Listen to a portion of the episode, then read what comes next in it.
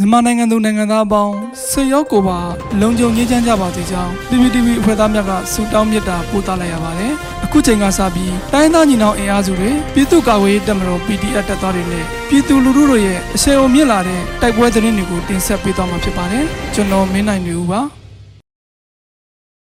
ပထမအဆုံးအနေနဲ့ရွှေဘုံမန္တလေးလမ်းပိုင်းစစ်ကား6စီးကို PDF ပူးပေါင်းတပ်ဖွဲ့က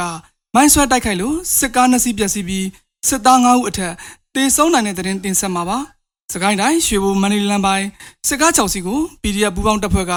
မိုင်းဆွဲတိုက်ခိုက်လိုက်ပြီးစစ်ကား2စီးပျက်စီးကစစ်သား9ဦးအထက်တေဆုံးနိုင်ကြောင်းရန်ဘလူတပ်ဖွဲ့ကသတင်းထုတ်ပြန်ထားပါတယ်။မတ်လ10ရက်နေ့ရွှေဘိုမန္တလေးလမ်းပိုင်းစိုင်းနိုင်ကြီးကျွော်အနီးညနေ6:29မိနစ်အချိန်စစ်ကား6စီးကိုရွှေဘိုရန်ဘလူအဖွဲ့နှင့်မဟာမိတ်များဖြစ်ကြသည့်နောင်ရိုးပြောက်ကြားတပ်ဖွဲ့တော်ဝင်တောင်းနှင့်ရွှေဘို Defense Force FPDF တို့က မိုင်းဆွဲတိုက်ခိုက်ခဲ့ရာစစ်ကားနှစ်စီးကိုတိုက်ခိုက်ဖျက်ဆီးနိုင်ခဲ့ကြောင်းစစ်သား9ဦးနဲ့အထက်တေဆုံးနိုင်ကြောင်းသတင်းထုတ်ပြန်ထားပါတယ်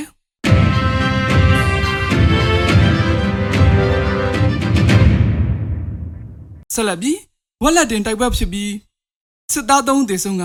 ဖြစ်တယ်လို့မြင်မြုပ်သွားတဲ့သတင်းတင်ဆက်ပါမယ်။စကိုင်းတိုင်းဝက်လက်မြို့နယ်တွင်တိုက်ပွဲဖြစ်ပွားပြီးစစ်သား3ဦးသေဆုံးကဖြစ်တယ်လို့မြင်မြုပ်သွားကြောင်းဝက်လက် PDF ကသတင်းထုတ်ပြန်ထားပါတယ်။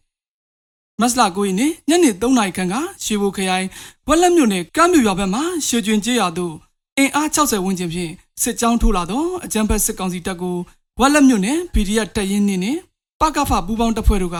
တောင်ကုန်းရွာအနီးတွင်တိုက်ပွဲဖြစ်ပွားခဲ့ကြောင်းအဆိုပါတိုက်ပွဲတွင်အကြမ်းဖက်စစ်ကောင်စီဘက်မှ3ဦးသေဆုံးပြီး2ဦးဒဏ်ရာရရှိခဲ့ကြောင်းဝက်လက် PDF တပ်ရင်းနှင့်ကသတင်းထုတ်ပြန်ထားပါတယ်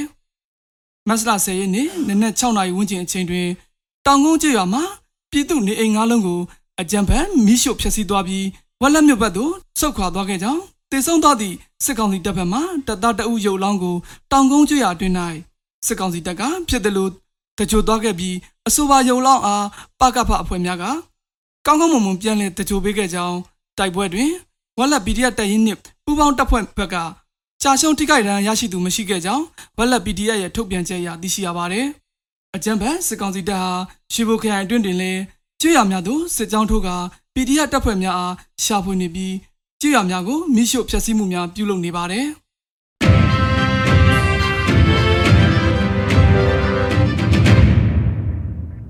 ။ဒီစကြိုတွင်မိုင်းဆက်ခံရမှုကြောင့်စစ်သား6ဦးသေဆုံးတဲ့တဲ့တင်ဆက်လက်တင်ဆက်ပါမယ်။မကွေးတိုင်းရေတကြုံမြို့နယ်တွင်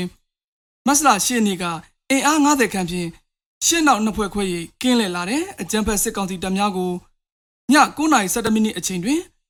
နှလုံးမိုင်းတွဲတစ်ချိန်တစ်လုံးမိုင်းတစ်ချိန်ဖြင့်မိုင်းဆွဲတိုက်ခတ်ခဲ့ပြီးအကြမ်းဖက်စစ်ကောင်စီ၈ဦးလေဘော်သို့မြောက်တက်သွားပြီး6ဦးမှာနေရာတွင်ပင်သေဆုံးကြောင်းစစ်သားအများပြားဒဏ်ရာရသွားကြောင်းမြောင်မြို့နယ်ပြည်သူ့ကာကွယ်ရေးနှင့်လုံခြုံရေးအဖွဲ့ CDFSON ကသတင်းထုတ်ပြန်ထားပါတယ်။အဆိုပါတိုက်ခိုက်မှုကိုမြောင်မြို့နယ်ပြည်သူ့ကာကွယ်ရေးနှင့်လုံခြုံရေးအဖွဲ့ CDSON လာရောင်ပျောက်ကြားပျောက်ကြားလေးရုံအဖွဲ့များကပူပေါင်းမိုင်းဆွဲတိုက်ခိုက်ခဲ့ခြင်းဖြစ်ကြောင်းထုတ်ပြန်ချက်တင်ဖော်ပြထားပါတယ်။မိုင်းဆွဲတိုက်ခိုက်ခံရမှုကြောင့်အကြမ်းဖက်စစ်ကောင်စီကင်းဘုံအဖွဲ့များကဝိုင်းဝန်းပစ်ခတ်တော်လဲဒေသခံပြည်သူ့ကာကွယ်ရေးရဲဘော်များအထိကိမရှိပြန်လည်ဆုတ်ခွာနိုင်ခဲ့တယ်လို့သိရှိရပါတယ်။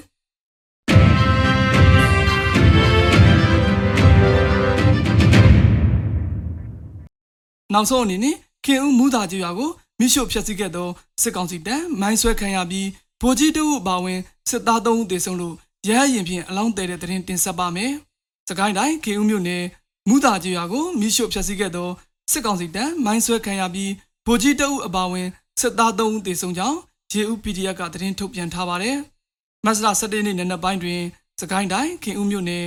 မူသားကြီးရွာမှာမူမြင့်အနောက်ဘက်ရေဦးမြို့နယ်ပိရကကြကြီးရွာဘက်သို့ စစ်ကြောင်းထိုးလာသောစစ်ကောင်စီအကြမ်းဖက်တပ်ကို JUPDF ပကဖပူပေါင်းအဖွဲ့ကမိုင်းဆွဲတိုက်ခိုက်ရာဗိုလ်ကြီးတအုပ်အပါဝင်စစ်သား3ဦးသေဆုံးကြောင်းရရင်ဖြင့်အလောင်းလာတဲ့သွားကြောင်းသိရှိရပါတယ်။အဆိုပါစစ်ကြောင်းသည်ဂျမန်နေ့နံနက်ပိုင်းတွင်ခင်ဦးမြို့နယ်မူတာကျေးရွာကိုဝင်ရောက်စီးနင်းကမူတာကျေးရွာဖုံးကျောင်းတွင်တက်ဆွဲ၍ပြည်သူနေအိမ်များကိုဖျက်ဆီးမှုများပြုလုပ်နေကြောင်းအကြမ်းဖက်စစ်ကောင်စီဝင်များကိုနေမြေခံများကမိုင်းဆွဲတိုက်ခိုက်မှုများပြုလုပ်ခဲ့ပြီး ထိခိုက်ဒေဆုံးမှုစဉ်အတိအကျမသိရှိရသေးကြောင်းဒေသခံများကဆိုပါတယ်။